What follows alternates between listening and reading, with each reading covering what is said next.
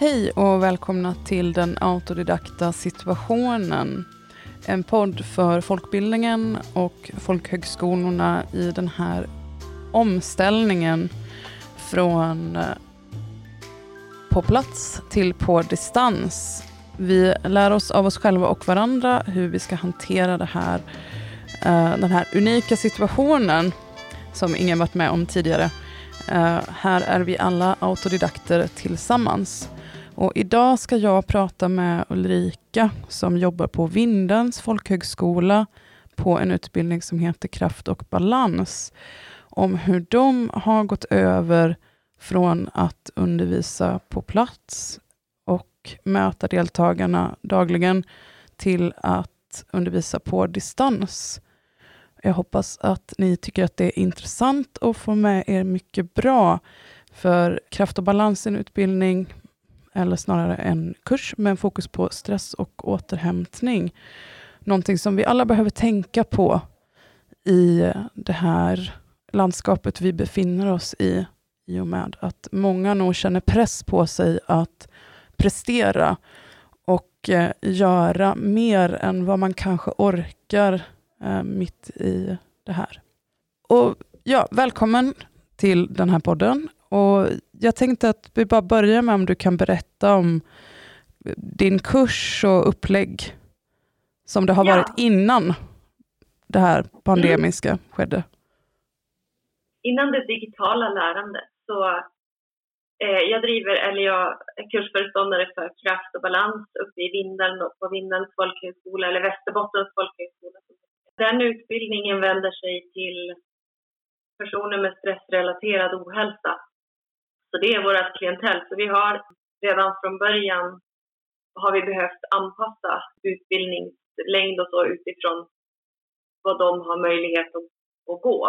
För alla kanske inte är sjukskrivna, de kanske bekostar det själv eller så söker de CSN för att gå vår utbildning. Så det är lite beroende på det kraft och balans som utbildning handlar ju om att hitta ett hållbart mående. Och tanken är att man ska ta ett eller flera kliv mot sitt mående så pass att man kan börja jobba igen. Även om vi inte är någon arbetstränande instans och vi är fortfarande under paraplyet av folkbildning så vi är inte heller en rehabiliterande instans även om vi tangerar på det eh, har jag märkt ganska mycket. Mm. Så Upplägget innan distansutbildning var att vi samlade varje morgon och gjorde olika, vi startade alltid dagen med någon typ av mindfulnessövning eller någon typ av fysisk övning för att stämma av och checka in på sig själv. Och sen hade vi teman då för de olika dagarna.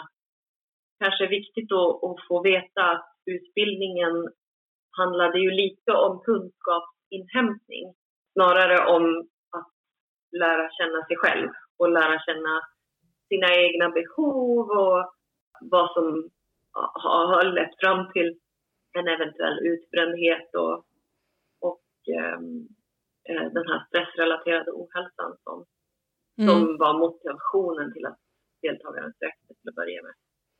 Så väldigt mycket själv, liksom, insikter, eh, personlig utveckling, en del psykologi, lära sig att förstå hur hur det hänger ihop med kroppen och psyket och det mentala. Eh. Mm. Mm. Var det ett svar på frågan? Jag tycker det var ett bra svar på frågan. Du sa att ni hade någon slags mindfulnessövning på morgonen. Och hur, hur funkar det nu när ni är på, för jag tänker att ni är på distans så mycket som möjligt ja. i alla fall. Hur gör ni med den biten? Ja, det är en bra fråga och den har vi kanske inte riktigt rätat ut, det frågetecknet än. Men som tur var fick vi ju lära känna våra deltagare och de fick en viss praktik i det här, eh, i de här typerna av övningar. Så att de, på ett sätt så är det ju liksom, det är nu de får testa om de klarar av att göra det själva så att säga. Men sen ses vi ju i Zoom, nu digitalt, och vi ses eh, regelbundet och där kan ju jag eh, guida dem. Och sen så liksom, vi ger dem tips och tricks. Det finns ju massa, massa att hämta från nätet kring både yoga och mindfulness och sådana tekniker. Så vi uppmuntrar dem att fortsätta hålla i den typen av träning. Mm, ja. Har ni, för då har ni haft dagliga lektioner, alltså, eller lektioner, hur man nu väljer att kalla det, men ni har haft dagliga möten med deltagarna innan. Jag säger det för att ja. jag, jag undervisar själv i speldesign och vi hade precis gått in, eller börjat gå in i projektarbete när det här började. Mm. Så mina deltagare mm. skulle ändå liksom ut i verkligheten och eh, göra sin grej och få handledning. Så vi hade ju inte det här dagliga som ska upprätthållas på, via Zoom eller annat på samma sätt. Men kör ni, har ni fortsatt med att ha daglig kontakt med, eller daglig lektion eller motsvarande? Ja, det har vi. Och, och tanken med utbildningen är ju att de som, om jag nu jämför med det du beskriver, är ju att de sen ska ge sig ut i, i projektet av livet, att klara sig själva liksom, med sitt eget mående och hälsan. Eh, men nu kom det lite snabbare än tänkt. Mm. Så det gör vi. Och, och det vi ser är att det blir lite mer subtilt när det är digitalt. Eh, det är lite, lite svårare, man tappar lättare drivet, man tappar lättare motivationen och man, alltså... Men, men jag tror att i alla fall våra medarbetare, eller inte medarbetare, men våra deltagare har vi jobbat upp en ganska djup relation med. Alltså allt handlar ju om, om att de har behövt spela och vända lite in och ut på sig själva och där har ju vi funnits som någon typ av stöttepelare. Så vi har en ganska, ja vi har en, en relation som gör att de är väldigt kompatibla på att komma på de här mötena. Mm. Eh, det är inte så mycket bortfall utan snarare tvärtom. Att om, om, om vi kanske inte hade fulltaligt i verkligheten. Så nu är det fulltaligt de små fröna av stunder då vi faktiskt kan se det digitalt. Mm. Eh. Det känner jag också igen från min egen deltagargrupp, att de eh, är där mycket mer på ett annat ja. sätt nu. Och det är ju intressant att, att det är det som händer. Vi märker ju på ett annat sätt det allmänmänskliga behovet av varandra nu eh, ja. när vi tar det online. Man är lite desperat efter mänsklig kontakt i detta. Så är det ju.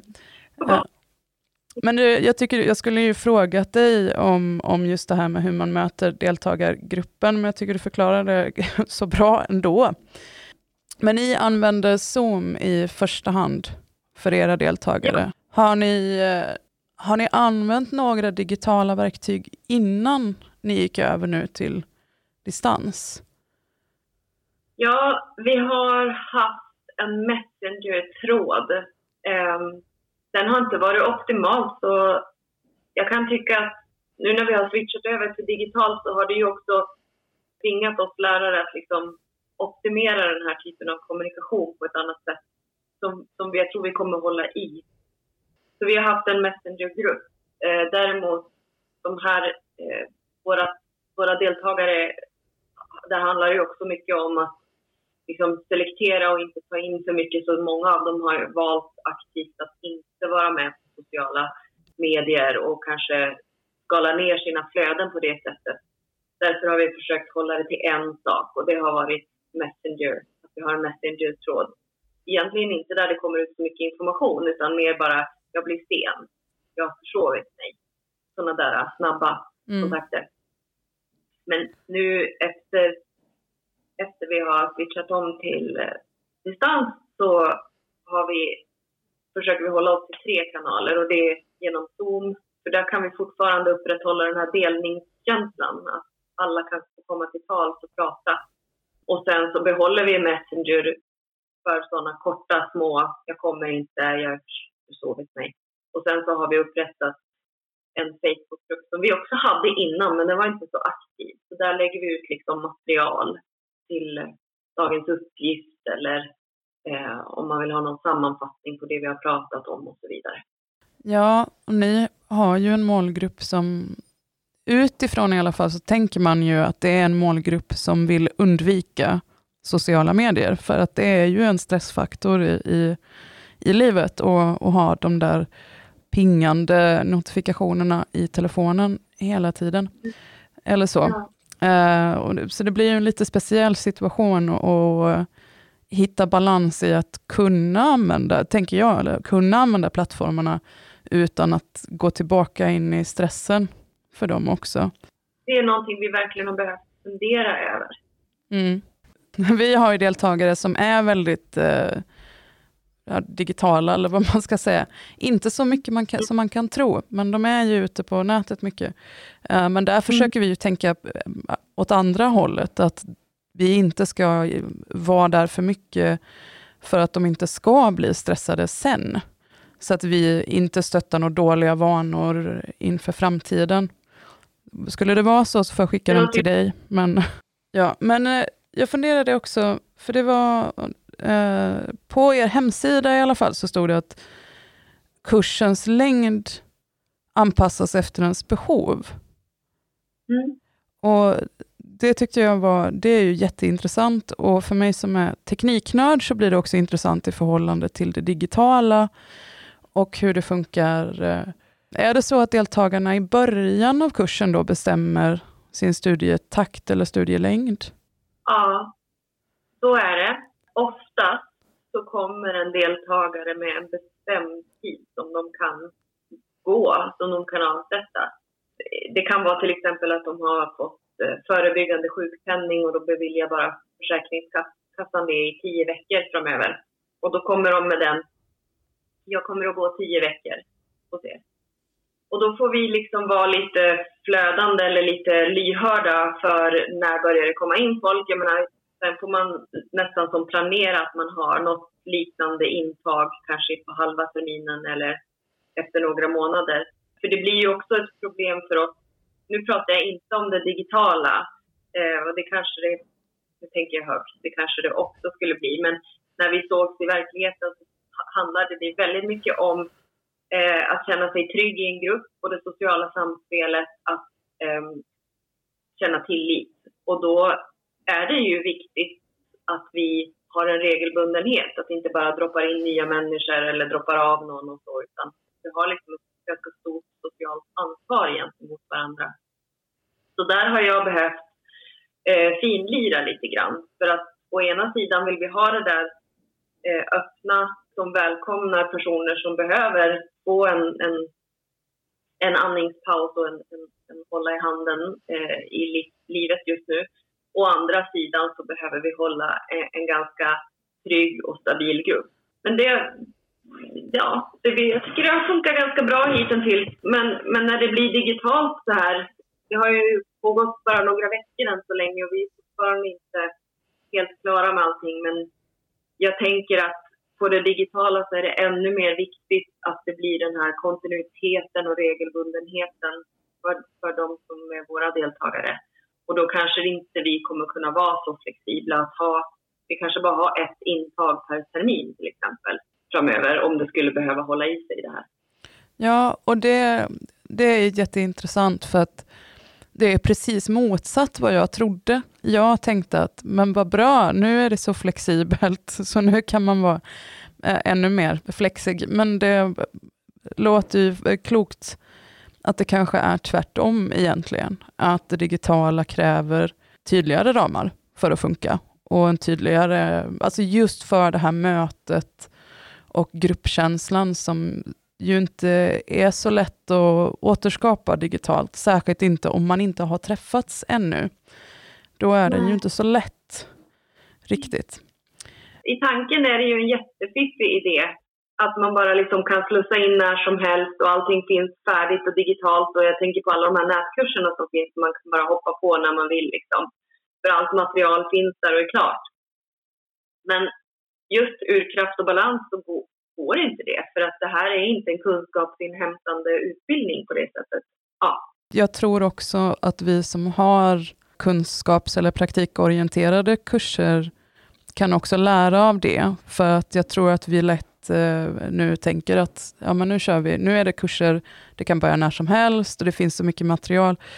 Men vi behöver ju alla hålla i huvudet att vi inte ska stressa iväg och att det här inte ska bli en ytterligare ett ok att lägga på axlarna. Så jag tror att det är klokt att tänka att uh, och, och ta med sig att hur man tänker när man är på andra sidan stressen, så att säga, i att förebygga, att hamna där också. I de här eller, eh, praktiska som, som du undervisar i, tänk att de är också organiska processer. Det de är i kreativt arbete av att liksom föda fram. Och det kräver sin tid på något sätt. I tanken så går det fort, men när man sätter sig ner och skriver och när man liksom, det har sin gilla gång. Precis. Tänker jag. Mm. Ja. Med, med det sagt så eh, vill jag tacka för det här samtalet. Det var fint att få prata med dig och höra hur ni tänker från er sida. Jag hoppas att, att eh, fler fick lite saker att tänka på och ta med sig. Många intressanta tankar från Ulrika eh, och kul att höra hur de jobbar i sina möten. Vi tackar för oss och för denna vecka och välkomnar er tillbaka och lyssna om en vecka igen. Så hoppas vi att ni tar det lugnt där ute tills dess.